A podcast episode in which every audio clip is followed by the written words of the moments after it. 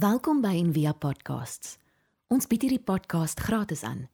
Om 'n bydrae te maak, besoek gerus ons webblad en via.org.za vir meer inligting.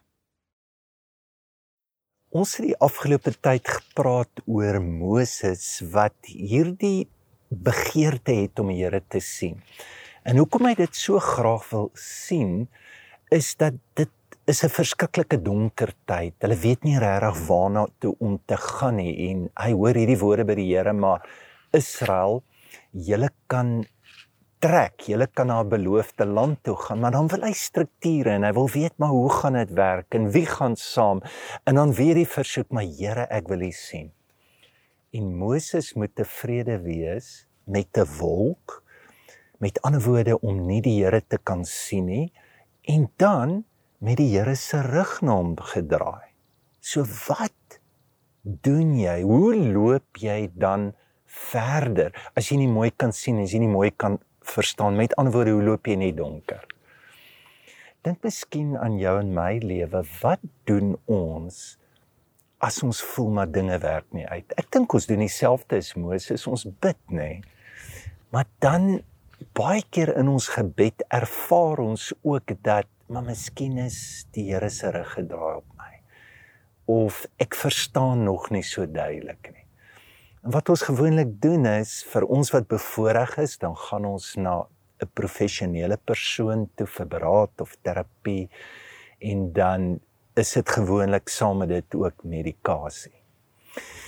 Maar wat van as daar 'n manier is hoe ons ook ten diepste die Here kan sien, raad kan kry en dat om die ou woorde nou te gebruik dat daar regtig 'n pil is maar 'n gospel ongelooflike goeie nuus vir jou en my wat die Here iets van ons heelheid, iets van ons angs, iets van ons onsekerheid vir ons kan teruggee sonder om alles te weet of sonder om alles te verstaan. So dis Moses. Al het hy die Here se rug en al is hy in die wolk van nie weet nie. Hy doen. En hy begin te loop en hy gehoorsaam God. En wat is dit wat hom anker en wat hom in die donker laat loop? Dis die skepping. En is nie anders as sy roeping nie. Hy weet van 'n braambos en hoe ongelooflik kragtige braambos is.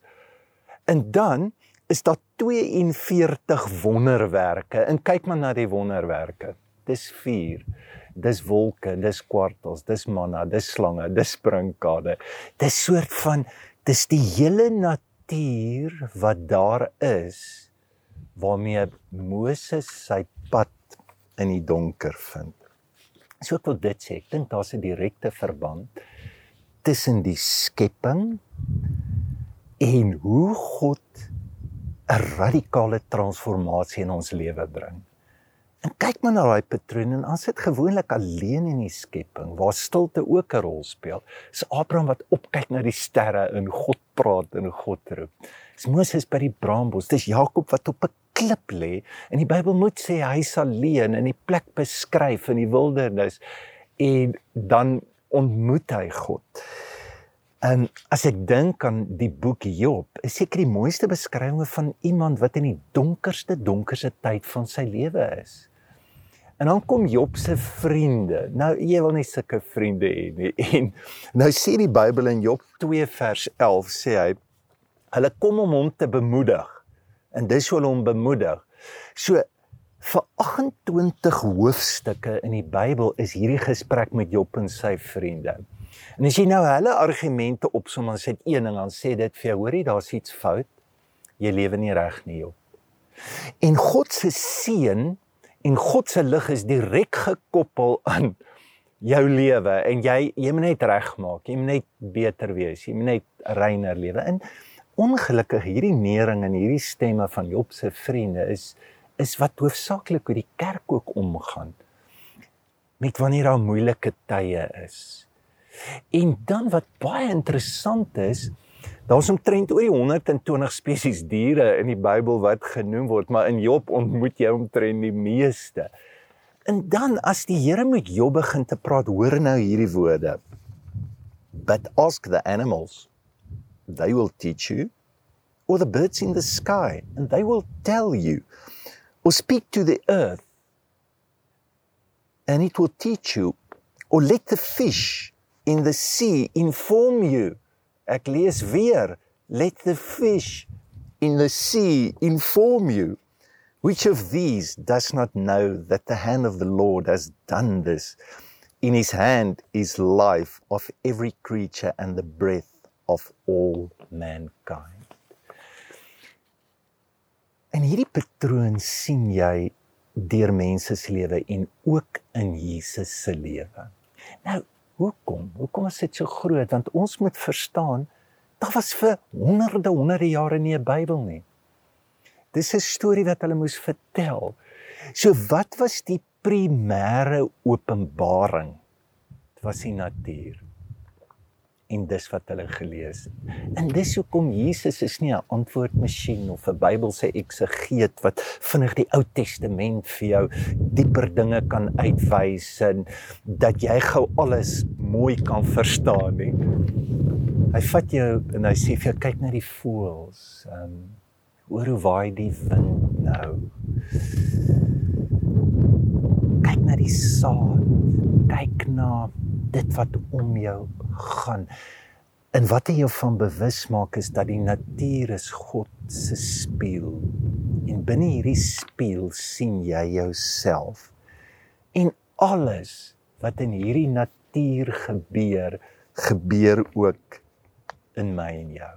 En dis hoekom Jesus in sy donkerste donkerste tyd gaan hy nie na die tempel toe nie, gaan hy nie na ondersteuningsgroepe nie. Hy gaan na Getsemane toe. Hy's alleen in die natuur by God. En ongelukkig wat met ons gebeur is in 'n moeilike tyd en is net dood natuurlik. Ons word verlam ons word verdoof en ons realiteit word geblur en daar kom 'n afstand tussen ons en alles wat om ons is en ons word eintlik in 'n verskriklike klein donker wêreltjie opgeneem. Christine Paintner sê dit so sy sê we live in what we might call the age of forgetting we have forgotten who we are in relation to everything else the creatures, the plants, the mountains, the forests, the oceans, one another, and even ourselves. En ek dink dis hoekom dit so belangrik in die Ou Testament was dat die Here sal sê remember the Lord your God. Die ding is ons vergeet net so gou. Kyk en wonderwerke gaan jou nie help in 'n moeilike tyd nie want Israel het al die wonderwerke gehad en hulle die hele tyd vir wonderwerke gevra maar dit het nie geloof in hulle lewe gebring nie dit kon ook nie die donker en die moeilike tye in hulle lewe skuwe nie.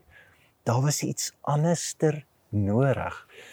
En ek dink ons ego werk maar so dit skep die heeltyd afstand. Ons moet die heeltyd my vergelyk met iemand anderster sodat ek meer kan weet wie ek is. So daar en hier.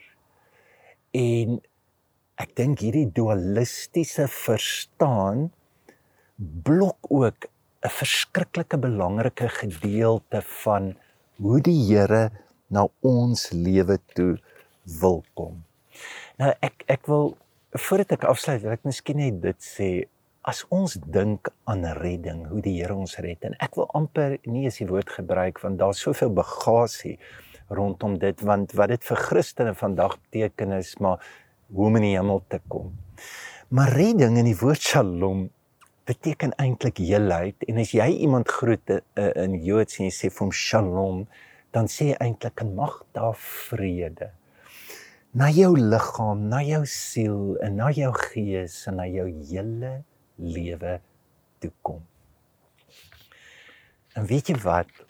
Dat die Here wil nie net jou red en nog minder net jou siel red nie. Dis vreemde taal. Hy wil jou hele lewe red. Hy wil jou hele lewe heel maak, maar Hy wil die skepping ook heel maak. So daar's baie skrifte wat jou iets laat verstaan van hoe Christus deel is van alles wat tot stand gekom het.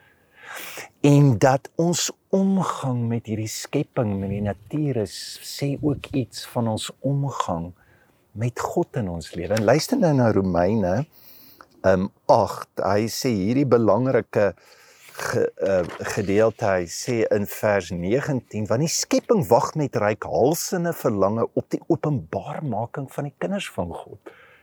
So hierdie skepping wag dat ek en jy die kinders van God hulle self sal wys. En dan vers 21 sê creation itself will be liberated from its bondage to this decay and brought into the glorious freedom of the children of God. So daar is nie net 'n nuwe hemel wat wag nie. In God se droom is daar ook 'n aarde wat moet funksioneer met hierdie lewe om ons soos wat hy dit gedroom het en dit wag vir mense wat op 'n ander manier gaan kyk en ook hierdie skepping toelaat om met ons te praat. Nou ek wil ek wil net afsluit met met drie goed. So hoe hoe loop ek in die donker? Hoe voel ek die aarde? Hoe praat God met my deur hierdie amazing amazing gawe? In die eerste plek jy moet kyk. So en ons moet die afstand tussen ons en dit met op een of ander manier dis soos 'n sluier wat gelig moet word. So luister Jesus se woorde in Matteus 6 en hy sê in vers 26 kyk na die voëls. Kom dit ons kyk. Hy sê let op die lelies. Consider bring jou aandag. Ek bedoel as ek ver oggend vir julle met sê hoor jy ons gaan lelies kyk, dis ons diens dan dink ek nie meer ek gaan 'n werk hê. Dis wat Jesus sê Hoekom? Want 'n lelie kan 'n spieël word in jou lewe dat jy God beter kan sien. En hier moet ons nie hoor draak nie. Ons almal ken mos nou die term triggers en dit is nie o oh, dat die Here is in die boom en dat ek het nou so wonderlike ervaring gehad nie. Dit is hoe die skepping ons draai en bewus maak en na God toe vat. Soos wat die psalme sê in Psalm 121, ek slaan my oë op na die berge. Ehm um, waar sal my hulp vandaan kom? My hulp is van die Here. Kan jy sien? Dis nie die berg nie. Maar die berg is die verwysing. Die berg is die beeld, dis die instrument, dis die begeleier na die hulp wat God het. Dalk sy grootheid, dalk sy krag, dalk sy geheue wat wat dit ook al is, maar daar's 'n gawe wat my terugverwys na God toe. Ek sien dit altyd as ons op die onderskeidingstydperke is die eerste ding wat ons doen is ons loop die eerste dag vir ure in eintlik al wat gebeur is jy loop jy uit jou kop uit. En onbewustelik is daar alreeds 'n gawe, 'n manier hoe die Here na ons lewe toe kom. So wat gaan dit beteken? Dit gaan beteken stop staan stil en kyk. Die woord kontemplasie beteken letterlik kyk twee keer of dit beteken dit ook. Want hoekom? Want ons sien nie die wêreld soos wat die wêreld is nie. Ons sien die wêreld soos wat ons is.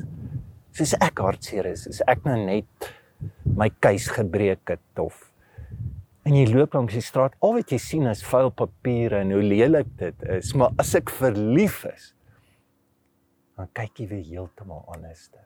En is in die gaze, dis in die kyk, dis in die toelaat om God binne dit in te nooi wat ons van binnekant af. Dis hoe jy die donker en na die donker moet kyk vanuit die lig binne jou. In die tweede plek, ek dink ritueel kan ongelooflik wees. Jy moet 'n plek hê. Doen dit in jou tuin, doen dit op 'n plek.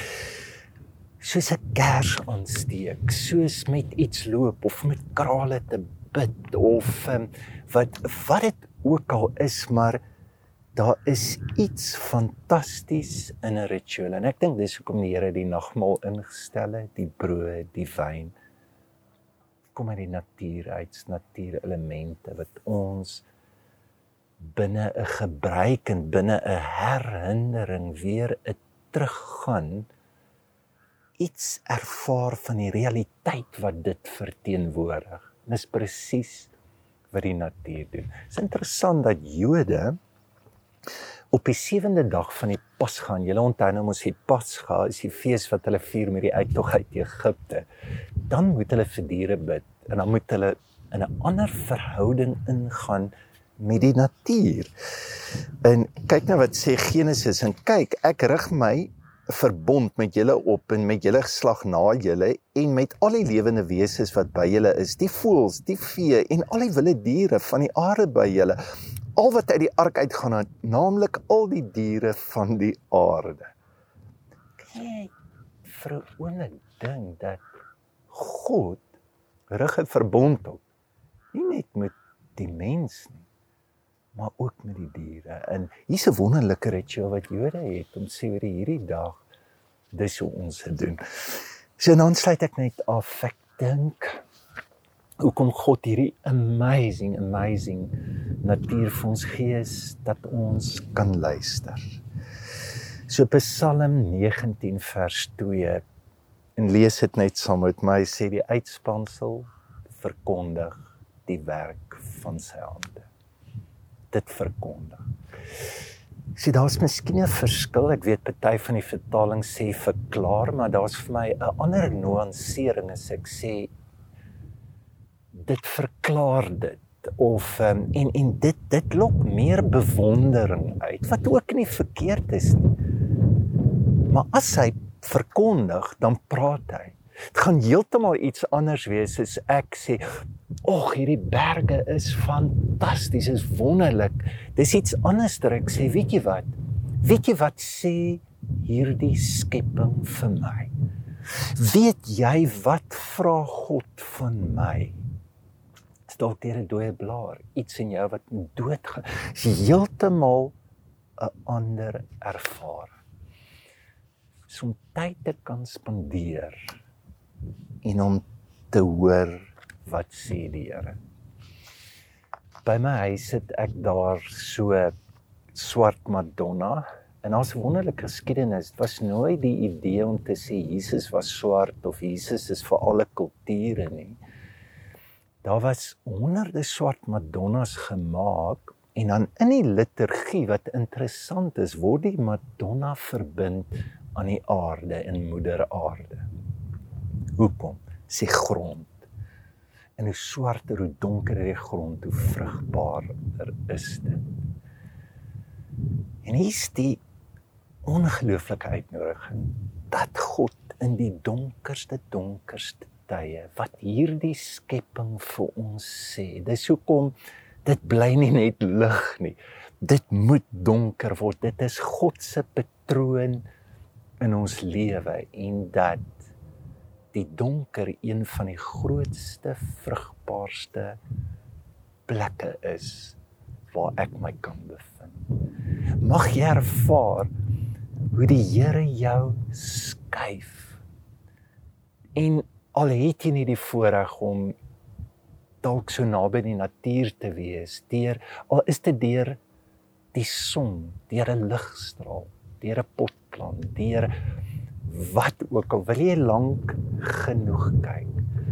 Wil jy binne 'n ritueel wat wat ook al op jou hart is om te doen, te voel, te vat, te ryk. En in daai oomblik die Here na jou toe te nooi. En ja, die spieël wat kom is dalk Paulus soos 'n spieël in 'n raaisel. Maar mag jy ook in die raaisel oomblikke ervaar van hoe God by jou is.